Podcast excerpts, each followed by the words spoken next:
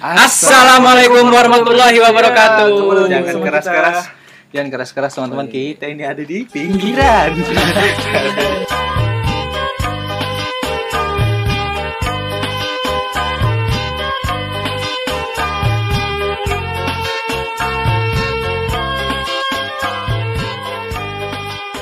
Pindah di sasah orang itu sul. Oh, apa itu sasa? Kembali lagi nih teman-teman sama Ya. kami di podcast Pinggiran. Pinggiran. Pinggiran mana? Pinggiran Kumai. nah, tiga orang pemuda yang mencari-cari jati dirinya untuk membuat sebuah podcast, podcast, podcast, podcast. Ya, gimana kabar kalian? Alhamdulillah baik. Alhamdulillah baik Alhamdulillah. seperti biasa namun Puasa lancar. puasa lancar namun hati yang belum lancar. Kenapa itu sul? Ah, itu nanti lah. Masuk.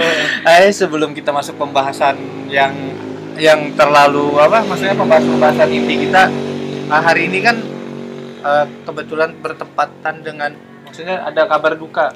Ah iya. Ada kabar duka dari Penyanyi legendaris lah. ya penyanyi legendaris campur sari The Godfather the, the Godfather musisi kita Oh, Broken Heart. Out Broken Heart. Bapak Ya. dari Patah Hati. Siapa Didi Kempot. Pak Didi Kempot, Pak Dan Dedi kita Kempot telah berduka meninggal. cita. Iya, meninggal dunia kita turut berduka cita. Inilah wa inilah rojiun. Semoga amal ibadahnya diterima di sisi Allah Subhanahu wa taala. Amin. Eh, apa karya-karyanya selalu Dikenang. dan dikenang. Semoga sampai ke anak Iya. cucu kita. Sahabat ambiar, kalau bahasa Jawa ambiar, kalau bahasa Kumai repai. Hancur. kalau hancur itu kan hancur itu Ah. hancur yang biasa. Kalau bahasa Ah. Jawa kan ajur, itu hancur. Tapi kalau di Kumai hancur ya hancur biasa. Tapi kalau ambiar itu kan Udah hancur. berserakan apa tuh hancur. bahasa rumahnya apa Repai. Pun ada yang kan repai ya. Eh, hari ini kita bahas apa? Hmm, bahasa apa ya Mending kita bahas kuliah kita. Bahas kuliah kita. Pasti ya? banyak yang penasaran kan sama kuliah kita, Sul? Iya, bahas kuliah kita. Banyak penasaran pasti, Sul. Oke, kini kita langsung aja lah. Maksudnya ah, untuk kayak profil-profil kita tuh nah. Nah, di sini aku mau nanya dulu nih ke Kaswa. Nah, Kaswa itu kuliahnya di Teknik Industri ah, Ahmad Dahlan. Nah, itu gimana sih? Coba ceritakan secara singkat padat jelas. Ya, udut mulut kuliah di teknik itu sebenarnya banyak tantangannya juga sih. Ya, memang semua kuliah banyak tantangan kan. Teknik apa? Teknik apa? Teknik industri. Oh, industri. Semua pasti kuliah ada tantangannya. Nah, yang buat aku dulu kan sempat orang pasti banyak ya berpikir awal kuliah pikir wah salah jurusan nih. Oh iya iya. iya. Ah, Kenapa jurusan. tertarik ngambil teknik tuh? Ini kan itu dari awal. dari awal aku kan tertarik ngambil teknik karena dari iming-iming dari abangku abang Kiki kan iming-iming dari dia diceritain gini-gini Kalau Pas- misalnya teknik jadinya bisa anu, Ah, banyak. bom. enggak agak lah banyak pokoknya banyak lah spek kerjanya banyak kata orang Hmm. pas aku masuk nah tadi kataku pernah kepikiran wah salah jurusan nih karena emang dari awal susah ya ternyata Sul, setelah dijalani dijalani ternyata ada rayaknya aja rayaknya aja apa, apa happy, happy, happy lah ada happynya juga Ada kuliah suka- di teknik itu. jadi dukanya. Ah, kita jadi bisa misalnya kayak aku yang paling kugeleti di teknik kayak mendesain kan dari pakai aplikasi SolidWorks itu. Nah jadi aku lebih fokusnya kalau di kuliahku itu mendesain desain alat mendesain apa-apa aja. Makanya sampai skripsiku pun mendesain apa kursi yang ergonomi bagi pekerja. Kalau Hmm. kamu kayak apa sul? Kalau ku saya berarti ini aku nanya dulu dong ke kamu Oke, kan oke. kira-kira mendesain desain kayak kursi yang ergonomi. Ergonomi kan berarti kan yang bagaimana itu mempermudah mempermudah maksudnya pekerjanya eh, lah pekerja apa sama nyaman lah nyamannya itu itu ergonomi ya arti Nah. ergonomi itu itu nah jadi kalau kursinya kasual tuh mungkin nanti di kursi itu ada tempat colokan chest dan ada wipinya Ah. mungkin Oh. bisa juga dia pindah-pindah sul misalnya kurang posisinya kurang nyaman bisa digerakin pindah Hmm. posisi dan bisa aja tuh kursinya dibawa ke pesawat mungkin tahun depan tuh eh, tahun-tahun yang akan datang tuh kosong kursinya ada terus membawa kursi dari kaswa mereknya kaswa itu bisa ditanam bisa jadi itu gitu. bisa jadi bisa ada jadi parasutnya dong bisa jadi pas itu ada trouble tuh kecelakaan kan seru tuh kalau Ilan ada pertanyaan nggak buat dia tanya lah masalah teknik kita kan buta teknik kalau teknik itu lebih ke apa sih Wak? mesin kah atau apa gitu utamanya sih ya ke Teknologi. produksi teknologi lah Oh. kalau teknik Oke, berarti menciptakan robot bisa Ah. di teknik biasanya. kalau Ter- kalau untuk robot kan kita masuknya ke Beda teknik bidang. elektro sul. Oh, beda-beda. Elek- elektro udah- dia. Oh, kalau teknik industri itu berarti yang nah. berkaitan dengan teknik industri itu kalau istilahnya kami teknik itu adalah induknya teknik. Jadi semua dari pelajaran teknik elektro teknik kimia kita pelajarin Oh, tapi dasar-dasarnya Oh, iya, nggak iya, mendalam Iya, iya, iya. Nah, itu teknik industri itu dinamain induknya teknik biasanya tuh apa tuh lah outputnya keluarnya tuh maksudnya barang-barang tuh seperti apa sih? Kayak selain kursi itu mungkin apa lagi? Banyak sul kita peralatan kantor. Ah, peralatan kantor. Kita kayak produksi makanan pokoknya tentang produksi itu masuknya ke teknik industri. Jadi kita melihat bagaimana produktivitasnya itu meningkat yang baik gimana gitu. oke oke. Berarti apa aja yang diindustrikan diproduksi itu mungkin teknik industri lah yang Iya, bisa Teknik sipil, mana teknik arsitek gitu juga. itu bagian dari teknik bagian. teknik teknik oh itu kamu tuh masuknya di fakultas teknik berarti bukan fakultas teknik bukan teknologi bukan oke Dan- Kalau prospeknya buat di Kuma ini apa, Pak? kalau untuk di daerah kita ya Di paling daerah kita ini. adanya kan di Pangkalan Bun. Pangkalan Bunnya kan ada produksi minyak mentah kan masih kebanyakan. Dan de- kan di daerah Kumai masih belum ada pabrik-pabrik Pabrik yang minyak lain. Cuman ada satu kan pabriknya itu minyak mentah. Paling masuknya ke sana bisa. Ah, bisa juga dong, bisa kayak mebel-mebel itu. Bisa. Nah, Itu misalnya kita mau kerja sama Sul. Misalnya kita ada udah dapat dari ilmu nih. Nah, Hmm. kita ngembangkan mebel itu untuk misal kita bangun lagi jadi kita angkut apa orang dari situ untuk mengembangkan produk mereka wah, wah, tidak menarik. Perusahaannya ya. tidak menarik sekali. emang menurut kalau nggak kuliah di situ emang kelihatannya nggak menarik sul Tidak menarik. Oh, teknik industri. Tak, aku tuh ya mikirnya tuh kalau teknik industri tuh se, se, se, se- apa lingkupnya tuh kayak mesin dan sebagainya Iya, se, sepemikiranku. Ke bengkel. ngebeng ya kan lari Bukan. bisa tahu ternyata industri misal kayak Royco pun misal itu bisa masuk Ah. Oh, kayak Kita Royco juga apa. mikirkan tergantung misal kita mendapatkan banyak kuliah pilihan gitu sul sana jadi kita mau mendalami mana ada kayak psikologi industri nah Ah. misal kami juga belajar psikologi tapi tentang psikologi karyawan psikolog, ah. psikolog, psikolog karyawan doang Hmm. Oke oke. Oh jadi teknologi industri pun tidak lulusnya pun tidak tidak harus menjadi seorang barang tuh pegawai bisa jadi seorang bos dong. bisa Nah, karena kan tahu. karena kita Oh, kebanyakan memanajemen karyawan Oh. perusahaan udah cukup menurutmu? ya tergantung kalian Nggak, sul Nggak apa kalian penjelasanmu kalau dari kalian dari kami kurang kan- paham sebenarnya tanya kan ta- takut sul takut jalan aku nih kami tidak tertarik. Jadi lah lanjut ke langsung aja lah ke William. William Utarom ini kuliah di mana Will? Jelaskan Will. Kalau aku kuliah di Jakarta, ngambilnya jurusan ilmu komunikasi. Jadi dalam ilmu komunikasi itu terdapat ada pembagiannya lagi gitu. Iya iya iya. iya. Ada Fokusnya lah. public relation, broadcasting, advertising atau periklanan, terus ada apa lagi ya? Jurnalistik. Oh. Kalau aku ngambil public relation. public relation. Hubungan dengan Hubungan masyarakat. masyarakat. Heeh, Bahasa bahasa. Oh. Jadi kalau ilmu komunikasi itu banyak ngomong dong. Kan Iya, broadcasting, jurnalis dan sebagainya kan Ah. tetap berarti kan mereka tuh mungkin anak-anak ilmu komunikasi itu bisa aja ya. Jadi jadi aneh kan kalau iklan oi. ada apa, anak komunikasi itu bisa aja jadi aneh ya. Apa, orang itu tuh apa tuh namanya? Di Sesuai itu sih, sesuai kayak radio itu turun di dalam radio juga apa tuh namanya tuh perfilman Kalau dalam apa humas atau public relation itu lebih ke marketing sih. oke Terus pekerjaan tuh mungkin kayak di perusahaan. Jadi tugas public relation itu oh sebenarnya iya, kan uh, menjaga citra perusahaan. Ah. Nah itu Hmm. tugas utamanya seorang public relation. relation eh, tertarik kamu yang ngambil public relation ya? Sebenarnya kayak hubungan ya dengan udah masyarakat aja gitu. Awalnya sih Ah. kayak Iya sama dari awal Iya, kayak kenapa aja gitu, gitu. nah, Kenapa bisa tapi kalau dijalanin tuh kalau dijalanin enak. enak semua semua itu semua itu enak. sebenarnya disyukuri lah bahasa yang aneh. Nah, di ilmu komunikasi berarti kan outputnya tuh banyak ya, maksudnya ya apalagi yang berkaitan dengan anu. Kalau di ilmu komunikasi berarti semua sih sebenarnya semua ilmu kan bisa mencakup kesehatan. Iya, apa kan semua. bisa kayak Kasmani tadi. Mungkin Bis- dasar-dasar dari semua Ah, ah, jurusan semua kan itu dari ya makanya semua ilmu tuh sebenarnya saling berkaitan sih aslinya tuh. Iya, benar. Jadi jangan terlalu bangga gitu loh oh aku ini loh anak, ah, aku ini anak dokter, mama, aku anak ini ya sama aja. aku anak semuanya. Tuhan tidak tidak tidak tidak tidak tahu ya. nah nah itu bisu tanya ada nanya lagi Sam? Hmm, Ikam Sol. Kamu Kamu. Sol kamu. langsung aku Ya. aku kuliah di Fakultas Psikologi nah tulisannya emang PSI PSI tapi, Tapi- bahasanya tuh Nah, si. itu kan biasa orang banyak salah kaprah Eh, Sul, bacanya Sul. orang-orang biasanya bilang pesi Emang salahnya gimana, Pak? Pesi. Kalau orang kan biasa banyak psikologi, Oh, anak psikologi. sebenarnya bacanya tuh psikologi tok. langsung. Oh, psikologi. langsung psikologi nah itu ilmunya itu kalau psikologi ya ilmu bagaimana apa manusia gitu mempelajari manusia Mempelajari nah manusia ke manusia ma- ya. manusia. tapi ke- nggak mungkin kan kalau kita melihat manusia tuh dari mana sih yang bisa kita pelajari kan nah Hmm. jadi yang dipelajari psikologi itu itu dari sifat yang keluar sifat ya Kepribadian. gitu. Ah, ah, kepribadian kan maksudnya ke sifat misal orang ini nakal di mana kita bisa nilai dia nakal kalau kegiatannya itu memang melanggar norma Hmm. mengganggu kita itu psikologi nah, Untuk psikologi bisa nggak Sul? Kan dia manusia ke manusia. Tuh. Untuk manusia ke hewan bisa nggak Sul?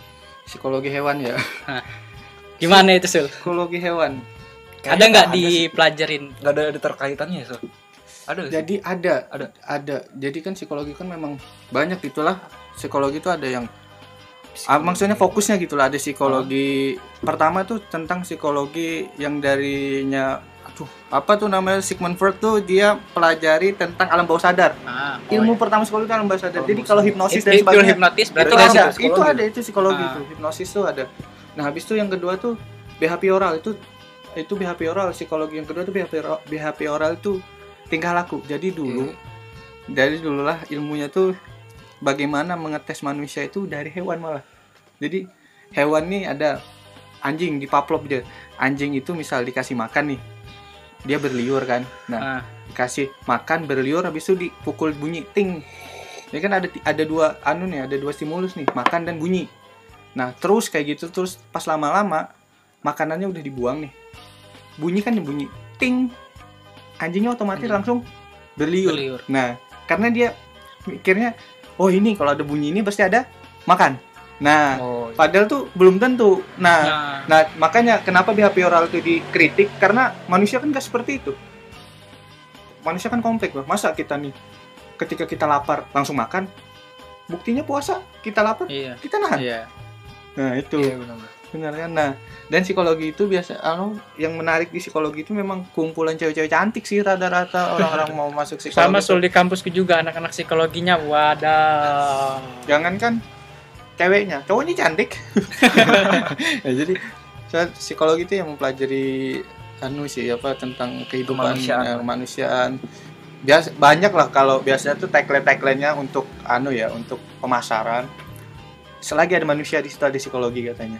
Berarti orang-orang psikologi ini kayak lebih mengerti orang lain gitu. Ya, iya, iya. Caranya memang gitu karena kan ada namanya konseling. Iya, iya. Nah, Hmm. Tapi sebelum dia itu melawan konseling, dia harus paham dirinya sendiri. maksudnya gimana Sol? Maksudnya kita tuh jangan jangan sok-sokan memahami orang lain dulu. Kalau diri kita sendiri aja kita Oh belum paham. iya iya. Kemampuan kita sebatas mana? iya, gitu kan. kita kan gimana gitu loh. Kan refleksi kan kadang tuh ngelihat diri sendiri. Masa kita lihat orang, oh kamu tuh harus gini gini gini gini. Tapi belum tentu Tapi- benar buat dia. Eh, maksud- maksudnya, eh kamu sedih ya? Coba kamu nonton film ini ini ini. Sedangkan kita kalau sedih nonton filmnya kan nggak ngaruh gitu loh. Kita tetap sedih ya jadi kan ada refleksi diri gitu loh jadi memang banyak sih dan yang lebih bagus lagi sih emang dari ilmu kita bertiga ini memang tidak akan pernah lepas dari namanya agama sih kalau kita ber, ber- Itu wajib, berpacuan, Sul. itu wajib itu wajib.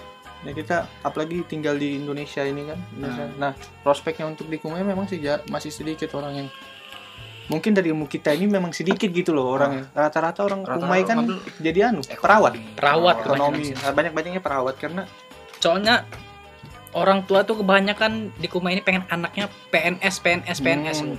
banyak yang apa ya maksudnya tuh ketika jadi perawat tuh kita tuh langsung gitu loh Nah. bisa terjun kalau ilmu yang lain kan bingung misal hukum Harus- apa Kecuali kita mengembangkan sendiri kan. Nah, katanya seperti tapi kan kita kan sebagai manusia kan mencari anu dong mencari kesempatan dong Hmm.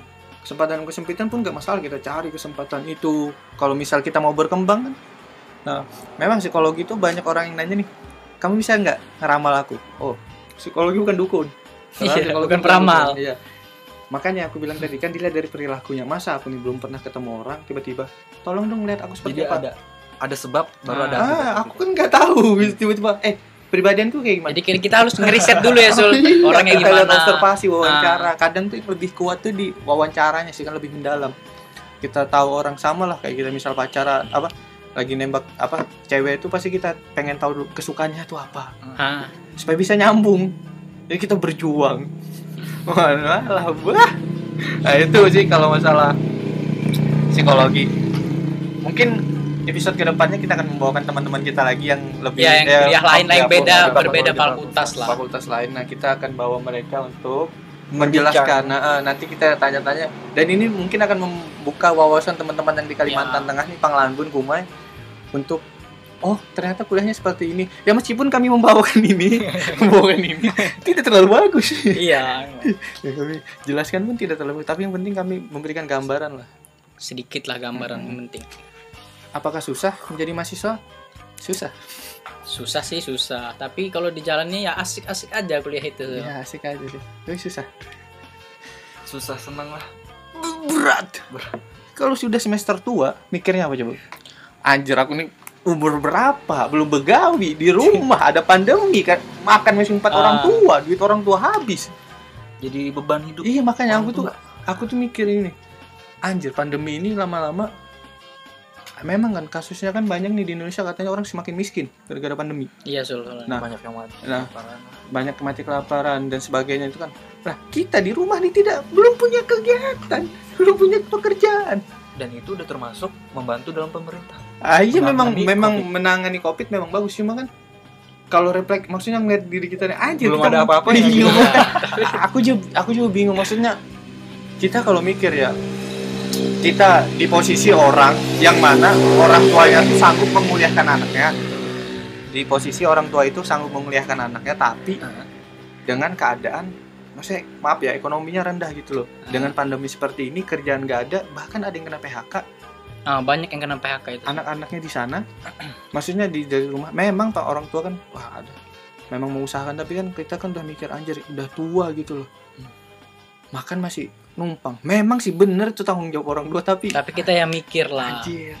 Kita belum bisa ngasih apa ke orang pusing tua. jadi kepalanya tuh pusing. Pusing pala Barbie katanya Seenggaknya kita tetap menjadi mahasiswa yang rajin. ya makanya di sini podcastnya ini sebenarnya pengen ngajak teman-teman ayolah bertukar pendapat mungkin dari podcast ini kita bisa berkumpul lah sesama Ah, siapa misal, yang mau bergabung eh, lah. pemuda-pemuda daerah Ah, maksudnya eh ayo kita bikin seperti ini untuk membantu Iya. di sini kita bagi-bagi sembako atau apa gitu iya. Emang bisa? Nah gitu. Kita bagi sembako dan sebagainya. Ya itulah. Kehidupan kehidupan jadi mahasiswa tuh dilema banget anjir.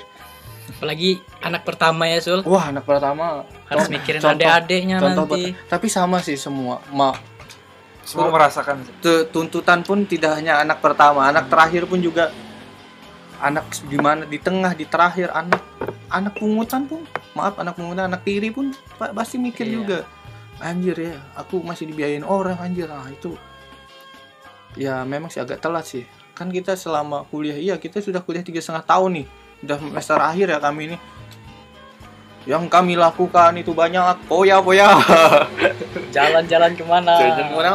Karaokean ke mana-mana. tidak itu Tidak, tidak, tidak. gunung gunung ku lewati samudra ku lalu Lembah masjid laut. masjid ajen ku lewati tapi ya dari sini kita mencoba ayo memperbaiki diri ayo. Iyalah. ya semoga jadi pandangan adik-adik gitu loh. Nah ini kan bulan Ramadan nih. Yuk kita bahas mahasiswa pas Ramadan gimana? Mahasiswa pas pas lagi Ramadan masuk bulan Ramadan Pas, puasa. pas puasa, puasa jauh dari orang tua dan sebagainya nih. Berarti pas kita puasa di waktu di luar kemarin. Eh, iya Pak. Pasti kita akan ngerasain karena pas lebaran mungkin pas baru balik kan Iya. nah, aku kan kada aku enggak aku terlalu Ya tapi gila kau Sampai 2 tahun Mengha- betah di Semarang, Meng- kada bulik-bulik. pulang-pulang ya. menghayati Apa yang kau Sul? yang aku kerjakan adalah merenung menangis ah, jadi rasul kan. Iya. kan Nabi Muhammad kan merenung dulu bersemedi. 2 tahun kada bulik ya Rabbi. nah jadi Gue dengar-dengar kan kerja Sul di sama Semarang? Ya kerja sih. Untuk sebenarnya kerja itu aku ya nggak pernah mikirin dapatku berapa sih. Aku pengen tahu dapat pengalamannya Iya, doa pengalaman sama oh mekanismenya. Misal jualan oh seperti ini. Eh jadi juru masak seperti ini juru cuci seperti ini. Hmm. jadi mekanismenya gitu loh. Apakah bisa Yang di- penting pengalaman. uh, apakah bisa dikembangkan di Kalimantan? Ya maybe bisa gitu. Tapi aku sekarang kan lagi masih fokus di kuliah. Kuliah ya karena masih orang tua kan yang nguliahin itu loh Masih tanggung jawabnya di kuliah ya. Nah itu, nah jadi berbicara tentang puasa tadi di di sana tuh susah. Aslinya yang apalagi kan biasa penerimaan murid kan? Ya karena ini kan puasa maju terus sih. Kalau dulu kan kita pas Kalau- lagi puasa Ya. awal-awal Menurut aku sih kalau di Jawa aku nggak susah puasa soalnya karena aku nggak puasa. nah, itu Ya, ngomong kaswa itu ngomong kaswa nah jadi susahnya itu apa mungkin makanya jangan pernah malu ya teman-teman untuk belajar memasak. Bantu ibunya. Mau kamu cowok kamu bantu ibumu di dapur tuh nggak masalah. Eh Cep Juna cowok loh jadi Cep Yo, bro, kita harus tahu lah memasak. Cep Re, Cep Reno apa Re, Renol ya? Eh, siapa? Arnold Arnold Arnold. Cowok loh. Cep Renata cewek. Nah itu dia bisa gitu. Jadi masak kenapa biar apa bisa masak tuh mungkin nanti tuh kita bisa menghemat gitu anjir aku bisa masak sendiri Hmm. makan bisa mandiri lah nah, meskipun bosan nanti lama-lama Dan juga ilmu itu penting kalau kita lagi keluar ke mana ke hutan Ke atau ke mana hutan. kita bisa Nah, masak. itu itu mahasiswa yang ke hutan ngapain itu? mahasiswa yang ke hutan tuh ngapain tuh? Ke gunung maksudnya Oh, Sul, Nah, mendaki. Jadi mau Anak masak gunung. ya pokoknya ikut aja bantu orang tua tuh pasti ya bukan hanya sekedar makan bersih-bersih diri Iya, juga bersih-bersih. penting Hmm. Dan di sana tuh ya pertama ya iklim Semarang kan pesisir aku tuh kan dekat anu Pantura lah jalur Pantura pantai utara yang wah panasnya jalur uh, truk semuanya Sul. Truk-truk gede ganal semua lewat situ Sul. panas panas di sini apa di sana sih panas di sana sana kan Hmm. banyak anu apa banyak apa tuh namanya tuh pabrik Hmm, Jadi, polusi, dari polusinya. pabrik. jadi panasnya di sana tuh beda kalau di sini panas ya oke panas bikin Panas gosong matahari. di sana Tapi masih panas adem udaranya sini Sul. eh, karena pohon banyak kalau di sana panas nggak bikin gosong cuma Hawanya. hawanya itu ya Nggak Allah, tahan. kayak di neraka. Siapa yang pernah ke neraka? Nah, apa bisa dipandaikan kayak neraka Sul? nah itu. Itu tuh panasnya jadi di sana tuh ya me- meskipun ya berat gak tera apa ya memang beratnya itu loh. Maksudnya makan apalah nantilah makan apalah nggak sesuai biasanya kita disiapkan gitu. Sahur nanti gimana? Kalau kebablasan karena nggak ada yang membangunkan meskipun alarm ada kalau yang punya pacar ya mungkin bisa dibangun pacar tapi kalau pacarnya juga tidur tidak sahur berdua malah makan mie ayam siang-siang Soalnya kalau kita nggak bisa masak Sul, pasti nanti pas di ujung-ujung akhir bulan kita susah. iya ya paling masak Kan telur pernah ada merasakan masak mie dibagi, mie Dibagi. isi dua, dibagi dua dibagi san dua kali makan. Bayangkan akhir bulan. Nah, aku, aku nanya satu ini aku nanya pembagian bumbunya kayak gimana ya dibagi dikit-dikit Sul, pokoknya Oh, ditahan. disisain, bisa- ditahan. Jadi disisain. kan ada bumbu itu Sul. Oh, nah, ditahan? kita kadang kita kirakan setengah maksudnya di, Oh. setengah di- tahan pakai tangan jadi dicurah ini yang ketahan-tahan kan enggak Takaran. ketuang. saking uangnya habis dan Hmm. setelah Masya uangnya Allah. setelah uangnya habis dia bingung alibi apa lagi nih pada orang tua untuk minta Nah, itu biasanya kayak gitu Sul. itu tuh susah banget tuh nah itu itu maksudnya kasus-kasus seperti ini jangan dicontoh ya kalau bisa jujur jujur aja karena Nah, orang tua itu nggak bakal meli, apa membiarkan kalian kelaparan Iya, pasti dikasih. pasti dikasih yang penting kita tahu diri lah tahu diri dan jangan ngasih duit kalian tuh untuk menghidupi anak orang Buat pacar pacaran. Jangan dulu. Sul. pas puasa wah bangga buka bersama pacar Hmm. duitnya dari mana kalau kerja mending ditabung lah Ya walaupun mau neraktir pacar kalau uang sendiri nggak apa-apa lah Sul. Misalnya uang hasil kerja iya sendiri. hasil kerja sendiri itu nggak Ini apa bu- orang tua nggak tahu banting tulang menapain kita tapi kita buat Hmm. poya-poya sama cewek, cewek putus lagi Hmm. sakit menggalau. galau nah, jadi puasa di sana memang ya jamnya sama sih. Kalau di Semarang kan nggak ada beda waktu. Jakarta masih, Masih WIB, WIB. lah di sini masih WIB Eh, terus di sana itu juga untuk ah, kangen nanti ketika puasa tuh kangen makan bingka. Nah, khasnya kalimat Kumai kan bingka kayu apu wadah picikan. Yang paling aku kangen kan Sul di Jawa Pas puasa. ada. Iya pas puasa kalau di Kumai kan asyhadu alla ilah itu di Kumai khasnya Sul di masjid-masjid Kalau Sul. di Semarang eh di Jogja. Di Jogja nggak ada. nggak ada kalau di Jogja. Sem- Semarang masih Ajan buka kalau di sini kan selap sampai waktu berbuka puasa. Bismillahirrahmanirrahim. Nah, kalau di Jawa nggak. Ajan itu waktunya buka. kalau di sana tuh aku Suasana sore. masih lah kalau maksudnya masih masih bisa denger yang asyhadu alla ilaha illallah habis itu pas apa? Pernah nggak? Sore nih habis asar habis sholat. Hah? sholat gak kita banggakan kalau kita sholat meskipun tidak.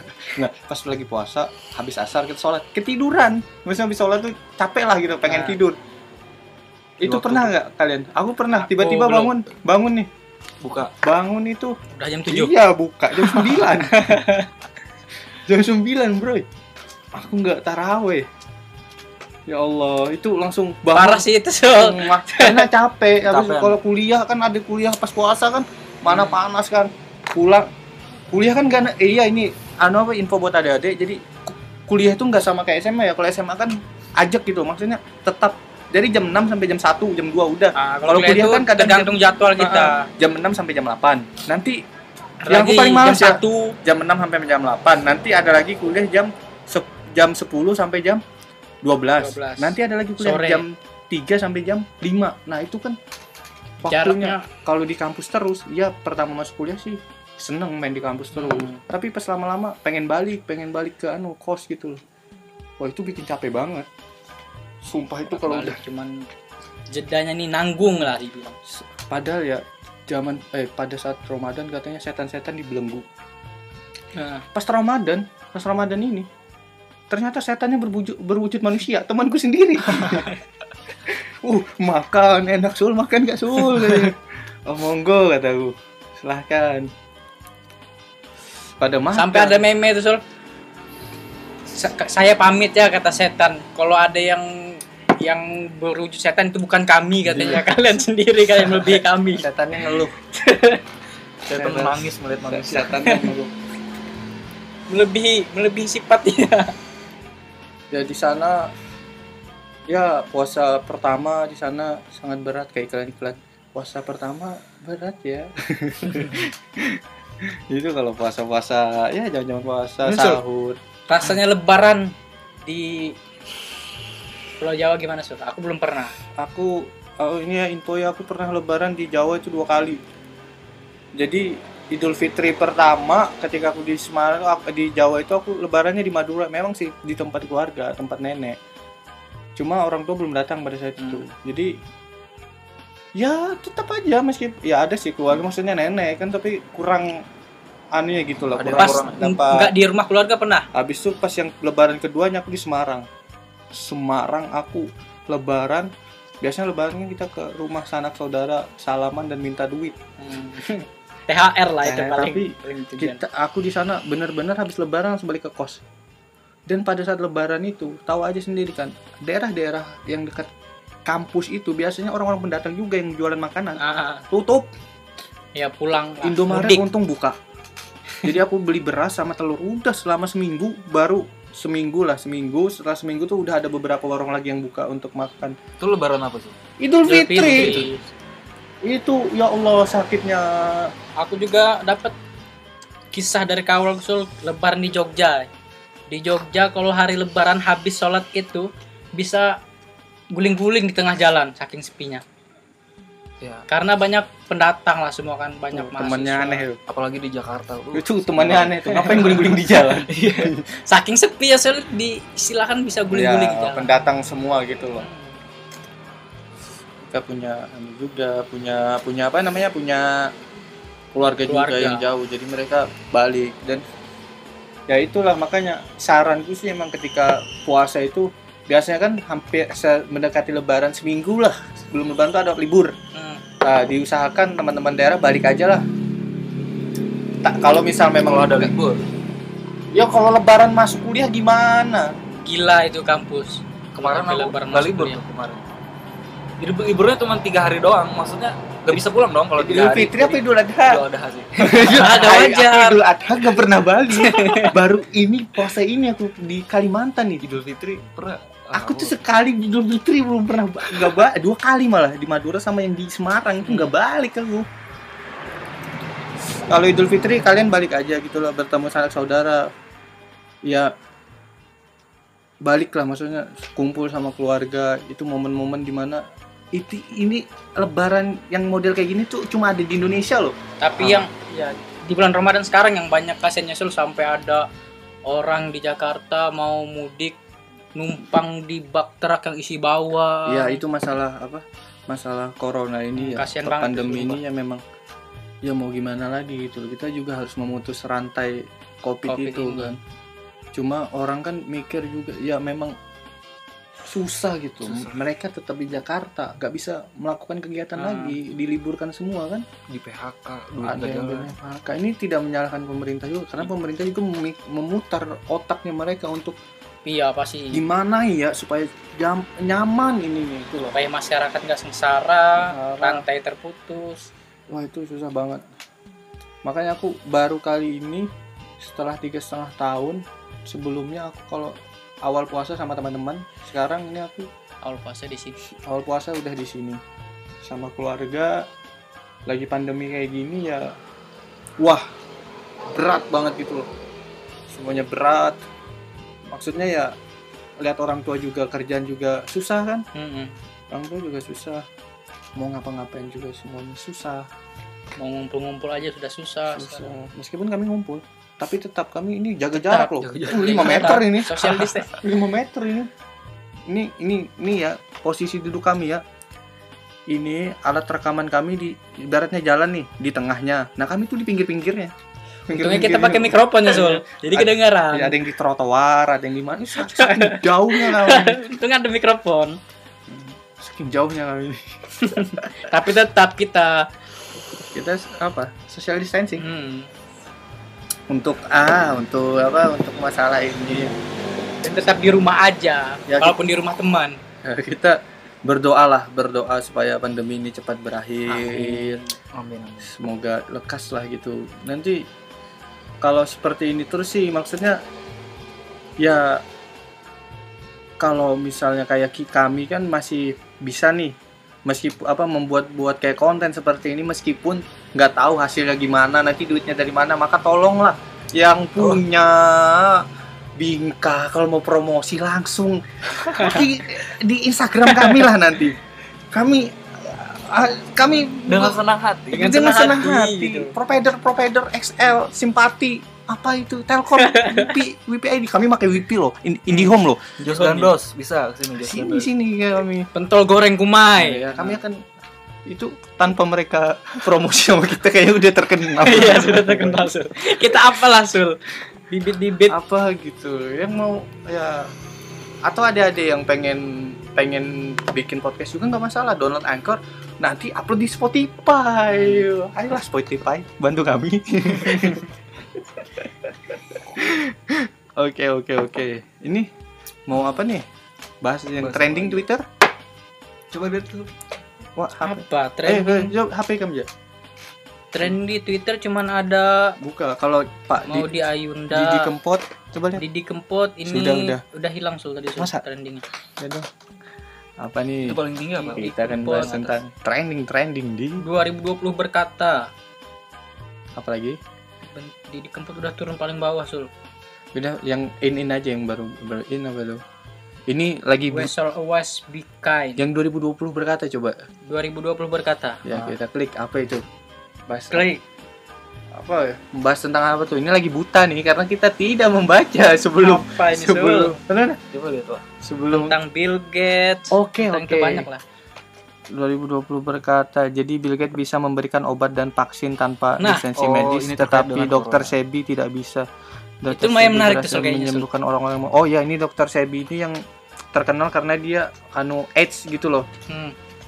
apa yang kayak pencegahan AIDS tuh dia bisa dia menemukan vaksinnya gitu Hmm. Jadi dia berhasil menyembuhkan tetapi dokter Sebi tidak bisa. Oh, Oke, jadi kan gini loh.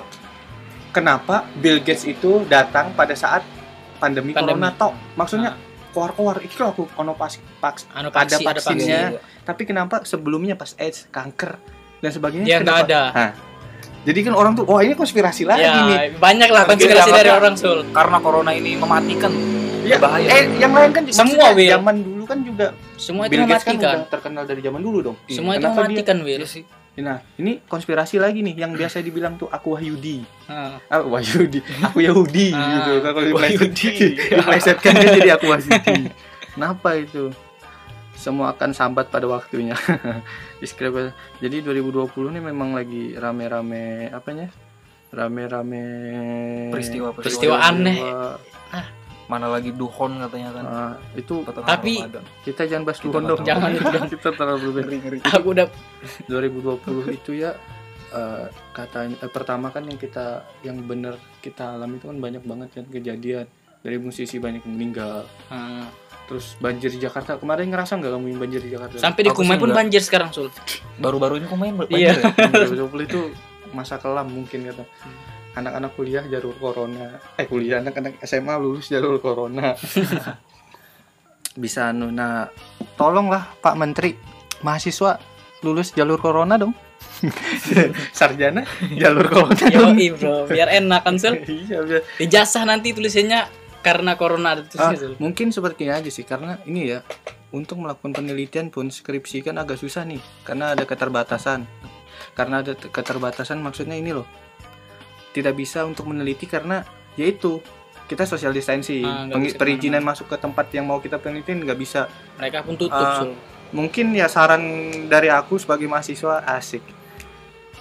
Kami diluluskan aja. Nah itu asik kondisinya nggak enak. Ah. Cuma gini loh.